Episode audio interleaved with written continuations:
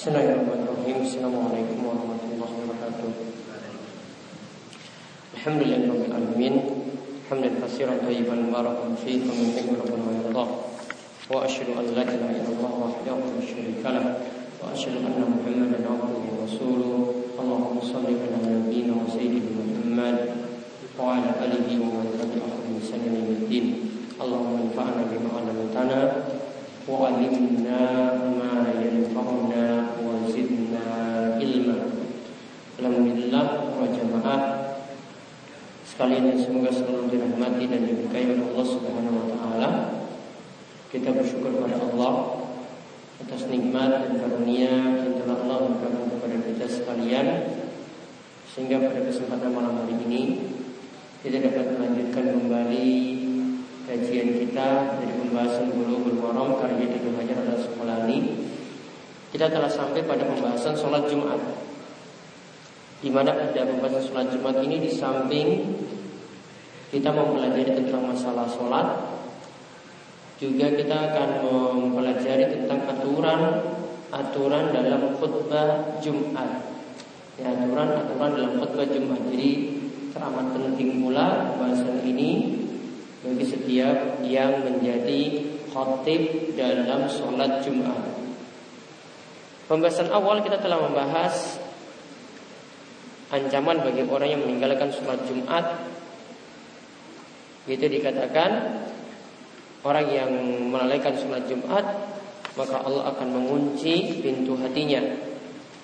Lalu dijelaskan tentang waktu pelaksanaan sholat Jumat dari hadis yang ada intinya para ulama berselisih pendapat ada yang menyatakan seperti waktu zuhur, waktu sholat Jumat dan ada yang mengatakan sebelum waktu zawal yaitu sejak waktu duha itu sudah bisa dilaksanakan sholat Jumat. Namun Allah alam pendapat yang lebih tepat pendapat jumhur atau kebanyakan ulama waktu sholat Jumat yaitu setelah waktu zawal itu seperti waktu zuhur. Kemudian pembahasan terakhir yang kita bahas yaitu pada hadis keempat dalam bab ini sahnya sholat Jumat walaupun cuma diikuti oleh 12 orang. Sahnya sholat Jumat walaupun diikuti oleh 12 orang. Seperti yang dijelaskan dalam hadis Jabir ketika itu Nabi SAW berkhutbah iman berkhutbah dalam keadaan berdiri maka ketika itu ada unta yang membawa barang dagangan itu datang dari Syam. Orang-orang itu begitu takjub ingin melihat unta tadi padahal Nabi Shallallahu alaihi wasallam sedang khutbah Jumat. Padahal bagi Nabi SAW ketika itu sedang khutbah Jumat. Fanfat nasu ilaiha Orang-orang malah pergi melihat unta tadi. Hatta lam yabqa illa isna asyara rajulan. Dan yang tersisa cuma 12 orang saja. Maka di sini menunjukkan sholat Jumat sisa 12 orang berarti ketika itu sholat Jumat diikuti oleh 12 orang. Ya, ketika itu sholat Jumat diikuti oleh 12 orang. Tentang kisah tadi Turunlah ayat surat Jumat ayat ke-11 wa idza ra'aw tijaratan aw lahwan faddu ilaiha wa tarakuka qa'ima. Yaitu dikatakan ketika itu kalian melihat tijarah perdagangan atau permainan kemudian kalian pergi untuk mengikuti hal-hal dunia tadi Watarakuka ima dan kalian meninggalkan engkau yaitu meninggalkan Muhammad dalam keadaan beliau saat itu sedang berkhutbah. Turunlah ayat tadi untuk memperingatkan orang-orang kalau khutbah Jumat ya benar-benar harus didengar. Nah sekarang kita bahas masalah hukum siapa yang mendapatkan satu rakaat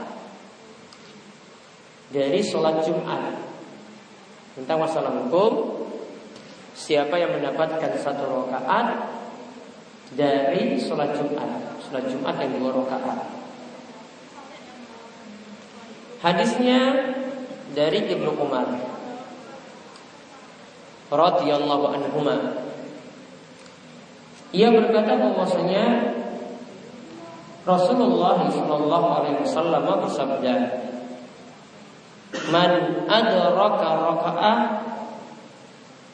min salatil jumu'ati wa ghairiha falyudif ilaiha ukhra." Wa qad tammat salatuhu. Kata Rasul Shallallahu Alaihi Wasallam, siapa yang mendapati satu rakaat dari sholat Jumat, ya siapa yang mendapati satu rakaat dari sholat Jumat atau sholat lainnya, maka hendaklah dia tambahkan sisa rakaat yang ada. Maka jadinya Waqad tamat sholatuhu Maka sholatnya jadi sempurna maka sholatnya itu jadi sempurna. Hadis ini diriwayatkan oleh Imam An-Nasai, oleh Ibnu Majah, Daruqutni dan lafaznya itu dari Daruqutni, sanadnya sahih. Lakin qawwa Abu Hatim irsalahu. Namun hadis ini kata Abu Hatim adalah hadis yang mursal.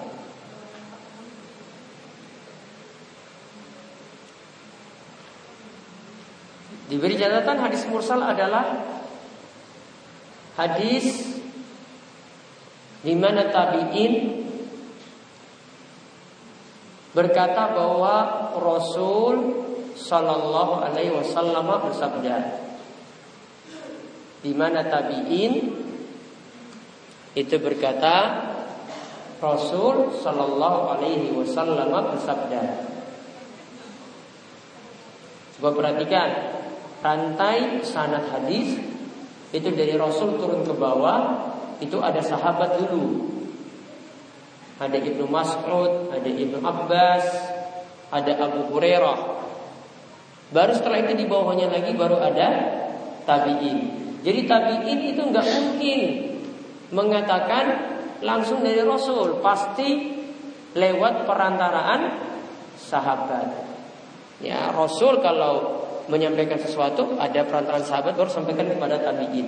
Jadi tabiin kalau mengatakan ya Rasul SAW bersabda berarti sudah hilang sahabat di situ. Maka kalau dikatakan hadis mursal asalnya hadis doif. Hadis asalnya hadis doif. Sekali lagi kalau dikatakan hadis mursal asalnya adalah hadis dhaif. Hadis lemah.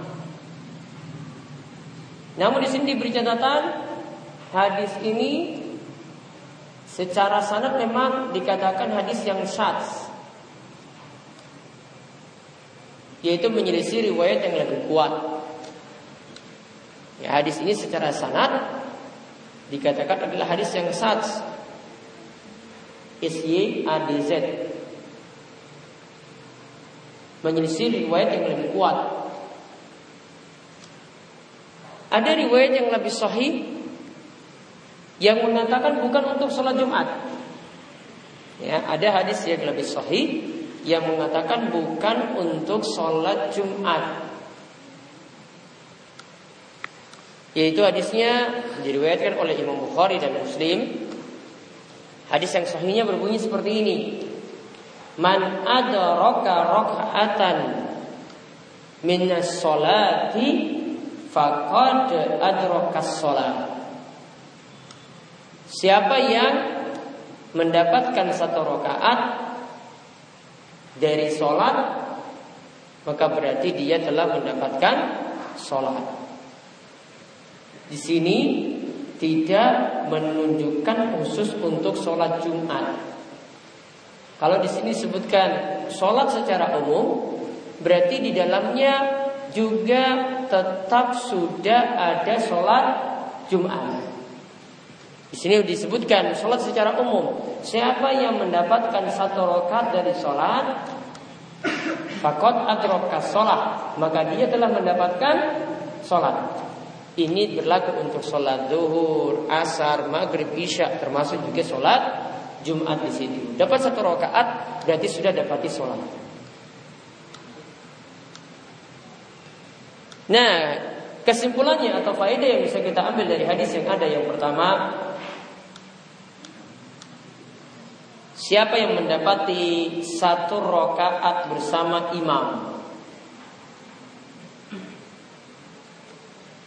Yaitu minimalnya mendapatkan rokok Menurut pendapat yang paling kuat Minimalnya mendapatkan rokok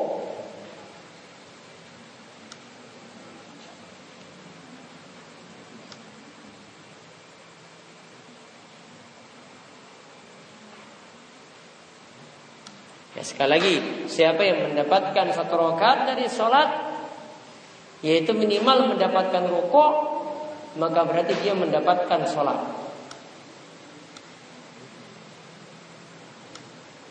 Berarti kalau sholat Jumat dia dapatkan tadi satu rakaat, imam di rakaat yang kedua, ya, imam rakaat yang kedua sedang baca surat. Berarti kan nanti dia tetap dapat ruko. Berarti dia cuma tinggal tambah satu rakaat saja. Faedah yang lainnya yang kedua. Sekarang mafhumnya pemahaman dari hadis ini tadi sebaliknya berarti siapa yang tidak mendapati satu rakaat dari sholat maka ia tidak mendapatkan sholat. Siapa yang tidak mendapatkan satu rakaat minimalnya dia tidak dapat. Itu tadi minimalnya dapat apa? ruko. Satu rokaatnya tadi minimalnya dapat ruko. Siapa yang tidak mendapat satu rokaat dalam kurung mendapatkan ruko, maka ia tidak mendapatkan sholat. Maka ia tidak mendapatkan sholat. Contoh, contohnya dicatat. Mendapati imam sholat Jumat dalam keadaan imam iktidal atau sujud di rokaat kedua. Mendapati imam saat imam itu iktidal bangkit dari rokok atau saat imam itu sujud. Tapi di rokaat keberapa? Rokat kedua. Maka dapat satu rokat atau tidak? Tidak mendapatkan satu rokat. Maka tulis, maka tidak mendapatkan satu rokaat.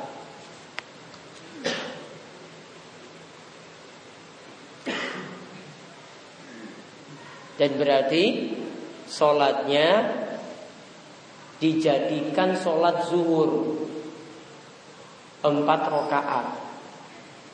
Karena dia tidak dapati Jumat lagi. Kalau tidak dapati Jumat, berarti sholat Jumatnya tadi diganti dengan sholat zuhur. Nah inilah yang jadi pendapat dari jumhur atau mayoritas ulama yang menyelisihinya cuma mazhab Imam Abu Hanifah. Yang menyelisihinya itu cuma Imam mazhab Abu Hanifah. Inilah pendapat yang paling tepat. Kemudian nah di sini juga menunjukkan Coba lihat tadi Berarti cuma dapati sholat saja. Berarti orang tadi Kalau dia masuk di rakaat kedua Dapati imam baca surat. Dia dapati imam berkhutbah atau tidak? Tidak dapati imam sedang berkhutbah. Berarti faedah bisa kita ambil yang ketiga Mendengar khutbah Jumat mendengar khutbah Jumat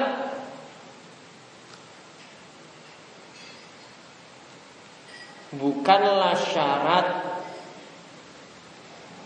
bukanlah syarat untuk sahnya sholat Jumat. Jadi mendengar khutbah Jumat bukanlah syarat untuk sahnya sholat Jumat. Dan ini yang jadi pendapat jumhur atau kebanyakan ulama. Yang menyelisinya cuma beberapa tabiin seperti Atok bin Abi Rabbah, Tawus, Mujahid, Makhul. Ini katakan sholat Jumat itu merupakan syarat. Kalau tidak ikut, maaf, khutbah Jumat merupakan syarat. Kalau tidak dengar khutbah Jumat, sholat Jumatnya tidak sah. Namun Allah alam pendapat yang lebih tepat tadi.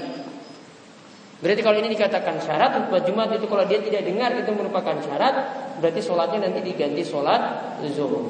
Namun pendapat yang lebih tepat hadis yang ada menunjukkan kalau orang dapati satu rakaat saja itu sudah dikatakan dapati Jumat.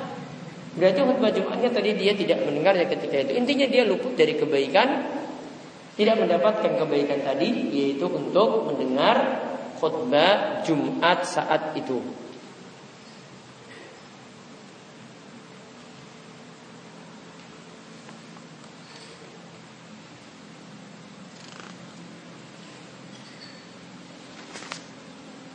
Kemudian kita lihat hadis yang berikutnya tentang aturan-aturan dalam khutbah. Ya, tentang aturan-aturan dalam khutbah. Kalau tadi tentang sholatnya, sekarang beberapa aturan dalam khutbah. Yang pertama akan dibahas ini adalah khutbah Jumat itu dengan dua kali khutbah. Khutbah Jumat itu dengan dua kali khutbah.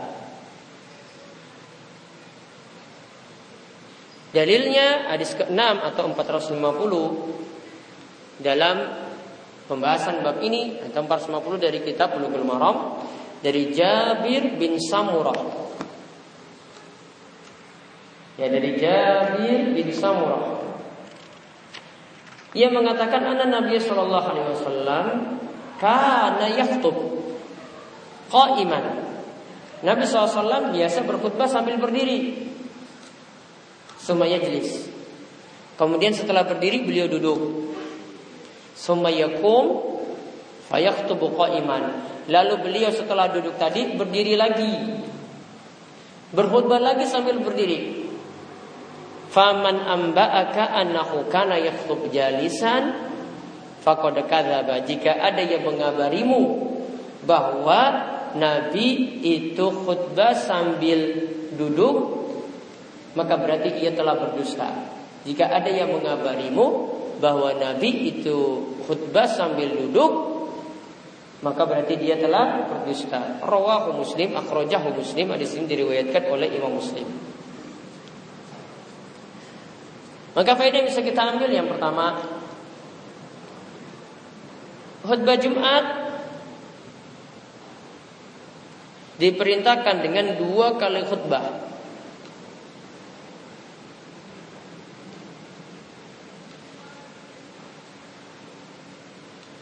Dan itu merupakan syarat. Ya, dan itu merupakan syarat.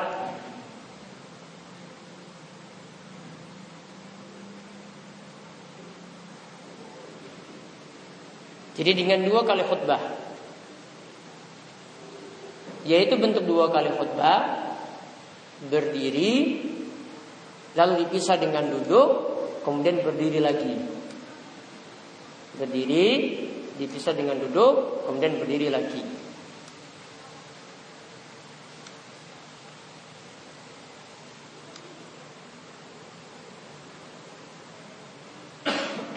Kemudian faedah yang kedua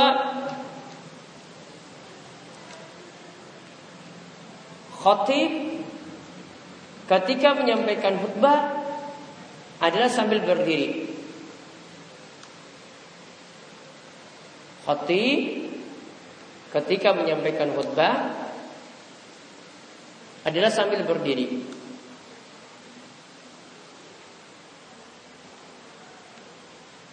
Karena seperti itu lebih tegas dan lantang saat menyampaikan nasihat. Karena seperti itu lebih tegas dan lantang Ketika menyampaikan nasihat Bahkan ada perkataan ijma. Ijma dari Ibnu Abdul Bar. Ia mengatakan ajma'al ulama'u ala anna al-khutbata la takunu illa qa'iman liman qaddaru 'alal qiyam. Para ulama itu sepakat Ingat kalau para ulama katakan itu sepakat, ini seperti Ibnu Abdul Bar itu katakan sepakat, maka tidak boleh diselisihi. Ada yang selisihi, maka dia telah menyelisihi sabil mukminin, jalan orang-orang yang beriman. Jadi dia telah melanggar firman Allah wa yattabi ghayra sabilil mu'minin. Mereka telah mengikuti jalan selain jalannya orang-orang beriman. Jalannya orang beriman sering kata para ulama itu dikatakan oleh Ibnu Taimiyah itu adalah jalan yang telah disepakati. Berarti kalau menyelisih ijma, menyelisih kesepakatan ulama berarti menyimpang, sesat. Jadi kalau sudah ada yang katakan dalam suatu masalah ini ada ijma di dalamnya, ini ada kesepakatan dalamnya, diselisih berarti keliru. Dan dalam masalah ijma yang disepakati tidak ada masalah ijtihad. Tidak boleh disebut ijtihad. Tidak boleh disebut ini masalah khilafiyah, tidak boleh. Kalau seperti Ibnu Abdul Bar katakan, para ulama sepakat bahwa khutbah hanya boleh dilakukan dengan berdiri. Bagi yang mampu untuk berdiri. Jadi kalau mampu berdiri maka lakukan berdiri.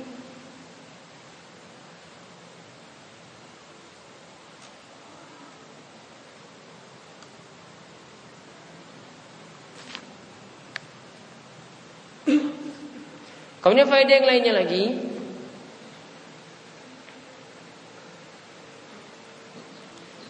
Disunahkan ada duduk di antara dua khutbah. Disunahkan ada duduk di antara dua khutbah. Ini diberi catatan tadi disunahkan. Ini menurut jumhur atau kebanyakan ulama. Duduk di antara dua khutbah. Agar khatib tidak terlalu capek dan yang mendengarkan juga tidak terlalu bosan. Ya, dan yang mendengarkan juga tidak terlalu bosan. Jadi khotib bisa nyantai ada waktu istirahat, sedangkan yang mendengar yaitu yang mendengar khutbah juga bisa ada waktu untuk ya agar tidak bosan lah ketika itu. Karena kalau pembicaraannya itu kaku kemudian terlalu panjang sekali. Dan sikap makmum ketika itu tidak boleh berbicara kanan kiri. Maka kalau tidak ada waktu istirahat ya akan akan sangat-sangat membosankan. Maka setelah dia berbicara 15 menit, khotib berbicara 15 menit, duduk sejenak, kemudian bangkit lagi untuk menyampaikan khutbah yang kedua. Kemudian faedah yang ke Empat. Khutbah kedua Tidak dikhususkan dengan doa. Tetap ada penyampaian nasihat. Khutbah kedua Tidak dikhususkan dengan doa saja. Seperti kebiasaan sebagian khatib ya, Atau dikhususkan dengan bahasa Arab saja di khutbah yang kedua yang lebih tepat sini Nabi katakan, "Summa yaqum fayaktub qa'iman." Kemudian berdiri lagi untuk menyampaikan khutbah lagi sambil berdiri. Berarti ada nasihat disampaikan. Jadi tidak cukup pada khutbah pertama saja. Faedah yang kelima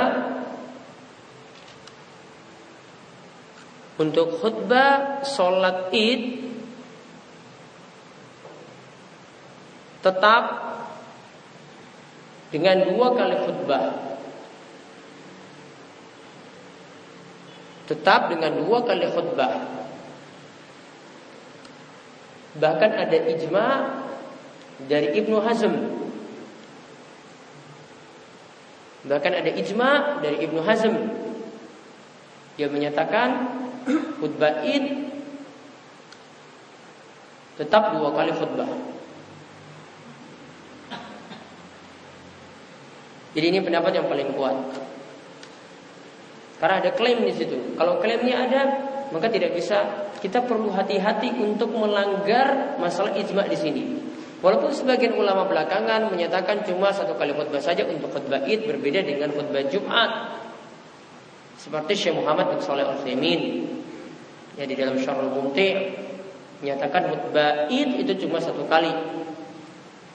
Namun memakai ijma tadi atau klaim ijma tadi itu lebih bagus daripada menyelisihinya. Ya, daripada menyelisihinya dan ini jadi pendapat seluruh mazhab. Ini jadi pendapat seluruh mazhab. Mazhab Imam Syafi'i seperti itu, mazhab Imam Ahmad juga bisa dilihat ketika khutbah saat Id itu di Masjidil Haram atau Masjid Nabawi dua kali khutbah.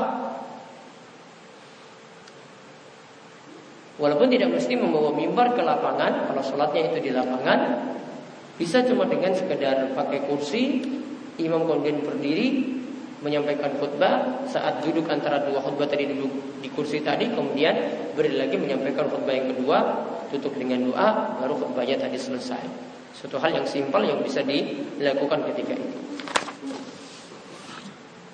Kemudian hadis yang berikutnya lagi.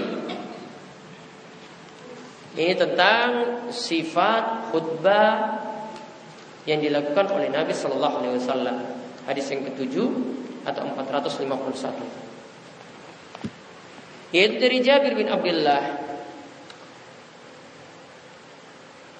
Qal ia berkata, Karena Rasulullah sallallahu alaihi wasallam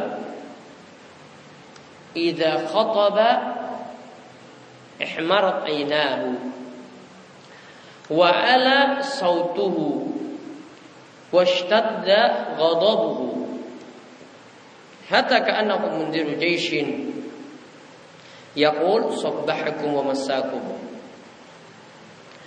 Dikatakan oleh Jabir bin Abdullah Rasulullah SAW ketika berkhutbah matanya itu memerah.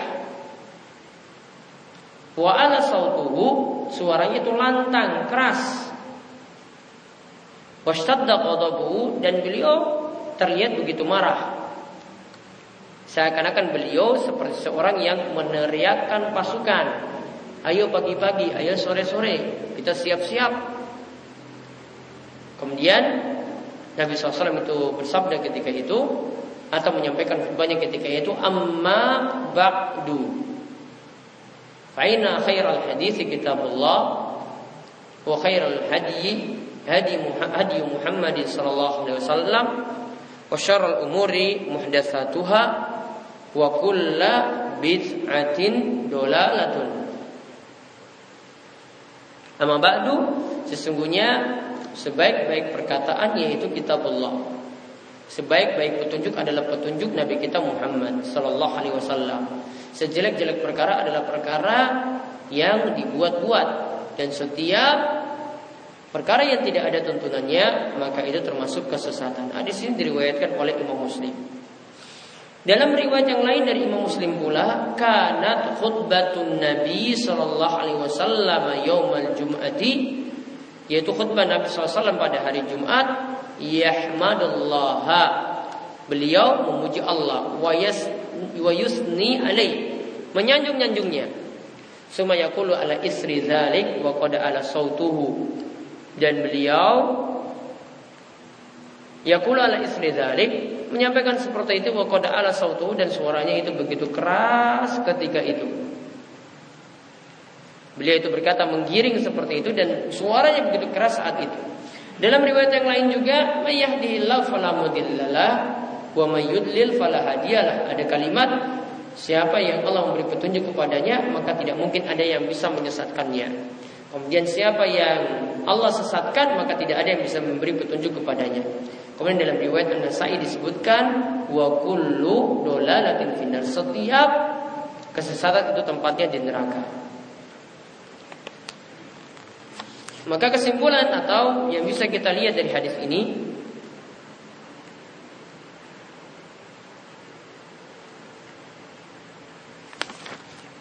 yaitu yang pertama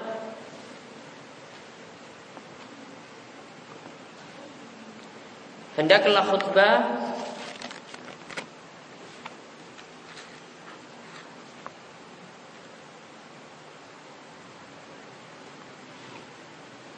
disampaikan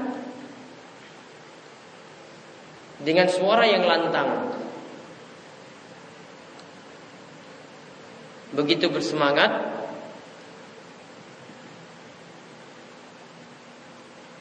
dan bisa mempengaruhi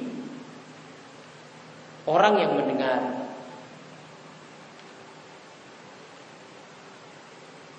Dan bisa mempengaruhi orang yang mendengar.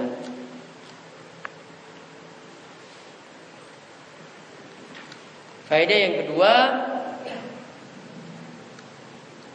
khutbah yang baik hendaklah memperhatikan hal-hal berikut.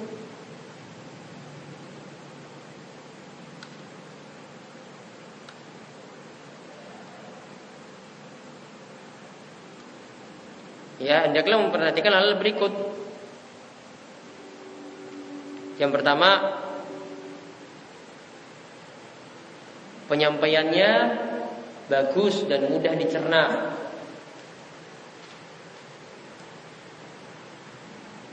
Jangan menggunakan kata-kata sulit.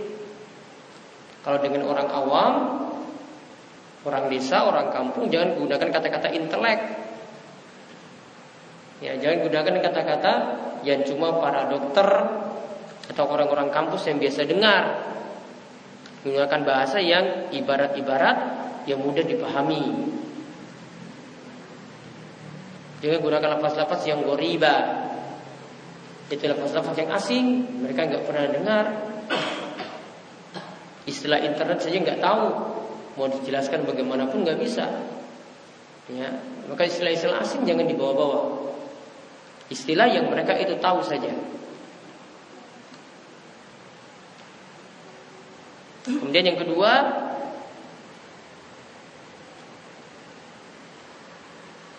menyampaikan judul yang bermanfaat untuk dunia dan agama orang yang mendengar.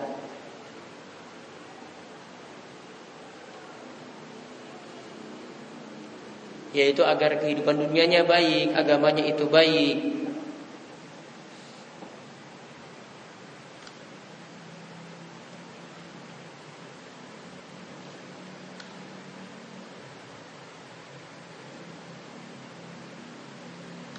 Dan ini juga bisa memperhatikan kondisi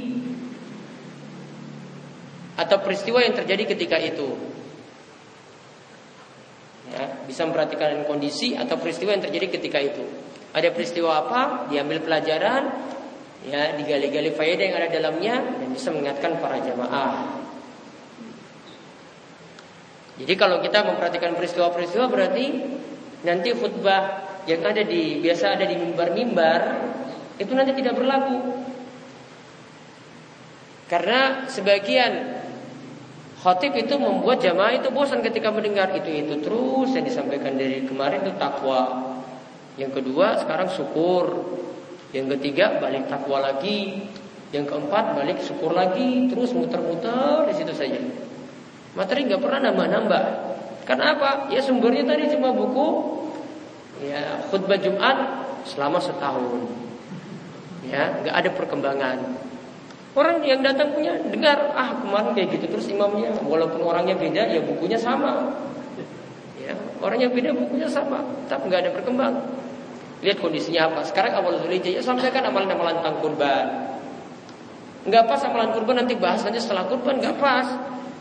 Nggak pas juga ketika itu sampaikan materi yang biasa-biasa padahal orang mau berkurban. Kalau puasa ya sampaikan materi-materi puasa. Nggak apa sampaikan materi umum. Orang setiap hari sudah dapat materi puasa belum dapat. Bahkan mungkin masalah-masalah fikih yang dibahas. Nggak ada masalah. Jadi materi juga penting. Kemudian yang ketiga, khutbah yang baik tidak lama.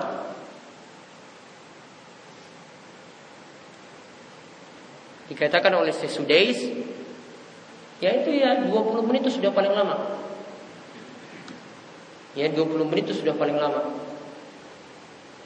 Itu sudah kadar yang wajar itu. Kalau lebih dari 20 menit itu sudah kurang ajar. Jamaah sudah nggak betah lagi. Ya, Itu sudah lebih dari kewajaran itu 20 menit. 20 menit itu sudah sampai doa tutup, selesai. Jadi paling khutbah pertama 15 menit, 15 menit, khutbah kedua tambah sedikit kesimpulan, doa-doa, 20 menit sudah selesai. Ya. Makanya penting kalau jadi khotib itu yang punya HP rekaman misalnya direkam coba ceramahnya dihitung-hitung berapa menit. Kan bisa dilihat situ sudah berapa menit jalan. Bisa dihitung-hitung. Kalau sudah terlalu lama jamaah juga sudah pada kepalanya nunduk. Mau ditambah lagi tambah nunduk lagi. Repot. Ya.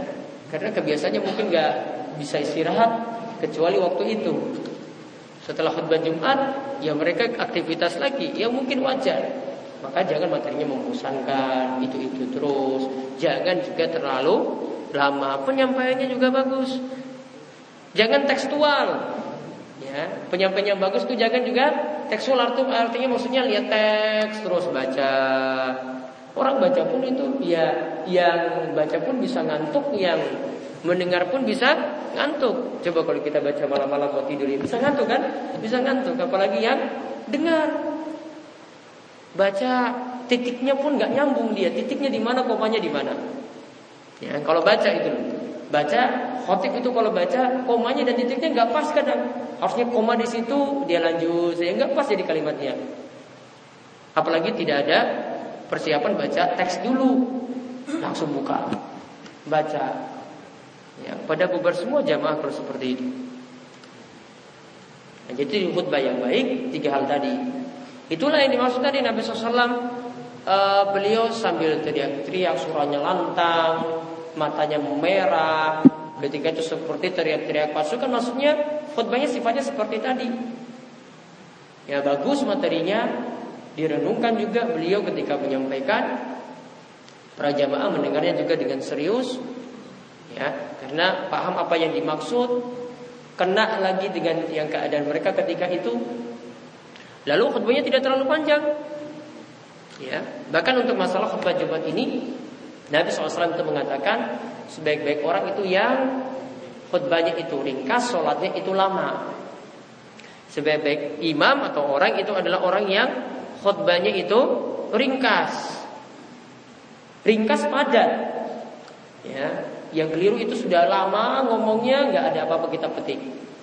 Ya cuma digelan aja kalau orang lagi ceramah. Ngomongnya sudah satu jam tapi coba kalau pulang di rumah tanya itu tadi pak tadi ceramah apa? Oh pokoknya gaya lucu pokoknya. Lucu saja dia bawa pulang. Nggak ada yang siapa apa coba. Ya. kalau mau tahu itu berisi ceramah itu berisi nanti dia pulang kasih tahu oh ini tadi pak ustadz tuh kasih tahu seperti ini seperti itu berarti dia masuk berarti dapat semua namun kalau cuma pas pulang cerita-cerita dengan orang yang ada di pasar, "Ih, ceramah tadi malam gimana?" Wah, pokoknya gaya lucu. Berarti cuma gaya yang lucu saja nggak ada apa-apa. Ya, khutbahnya berarti ceramahnya nggak ada isinya sama sekali. Satu jam cuma guyon aja terus. Ya. Maka kurangi juga untuk banyak guyon ketika ceramahnya boleh sekali-sekali. Sama seperti yang namanya masakan ya butuh garam. Namun kalau garamnya terlalu banyak ya keasinan. Namun kalau tidak ada garam biar juga ya nggak enak. Ya sedikit sedikit aja ditambah. Kemudian faedah yang lainnya lagi. Mengawali khutbah dengan memuji Allah dan berselawat pada Nabi Muhammad. Memuji Allah dan berselawat pada Nabi Muhammad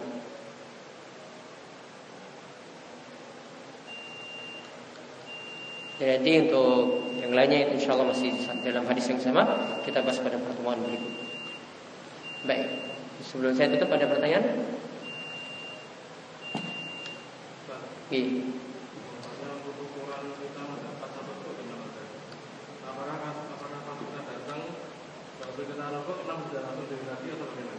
Pokoknya jenengan sudah dapat rukuk bisa badannya itu posisi rukuk dengan sempurna, bacaan dapat satu kali dan imam belum bangkit itu sudah dapat satu rukuk. Namun kalau imam sudah itidal baru kita rukuk lagi nggak dapat.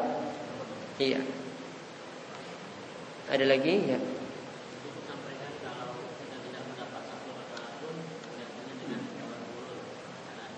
Iya, itu sholat Jumat ya.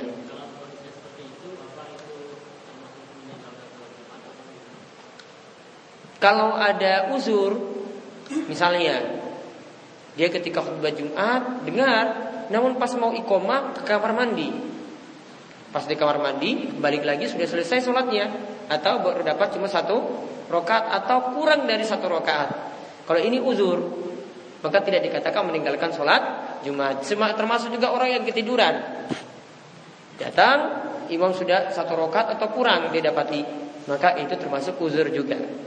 Namun kalau dia sengaja sengaja nunda-nunda terus ah saya pergi pas nanti mau ikomah datang ke sini pas imam sudah tahiyat akhir. Maka ketika itu berarti dia meninggalkan sholat Jumat. Namun tetap sholat zuhurnya harus dia kerjakan. Dosa itu dia dapat. Ada lagi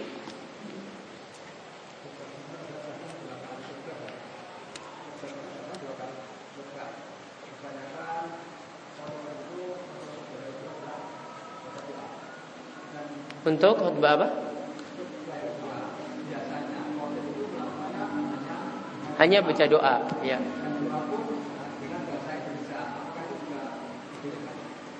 Kalau khutbah dengan bahasa Indonesia, doanya dengan bahasa Indonesia. Asalnya khutbah uh, cuma saya sebutkan ada dalam mazhab Syafi'i. Kita pakai mazhab Syafi'i saja. Dalam mazhab Syafi'i itu nanti ada memuji Allah, sholawat pada Nabi, ada ayat Al-Quran yang disebut dalam khutbah. Lalu setelah itu ada uh, doa tadi. Doa di sini dipersyaratkan dengan bahasa Arab. Namun kalau sebagian doanya itu ada dengan bahasa Indonesia boleh. Ya baiknya cuma sebagiannya saja, tidak seluruh doa dengan bahasa Indonesia. Asalnya masih boleh.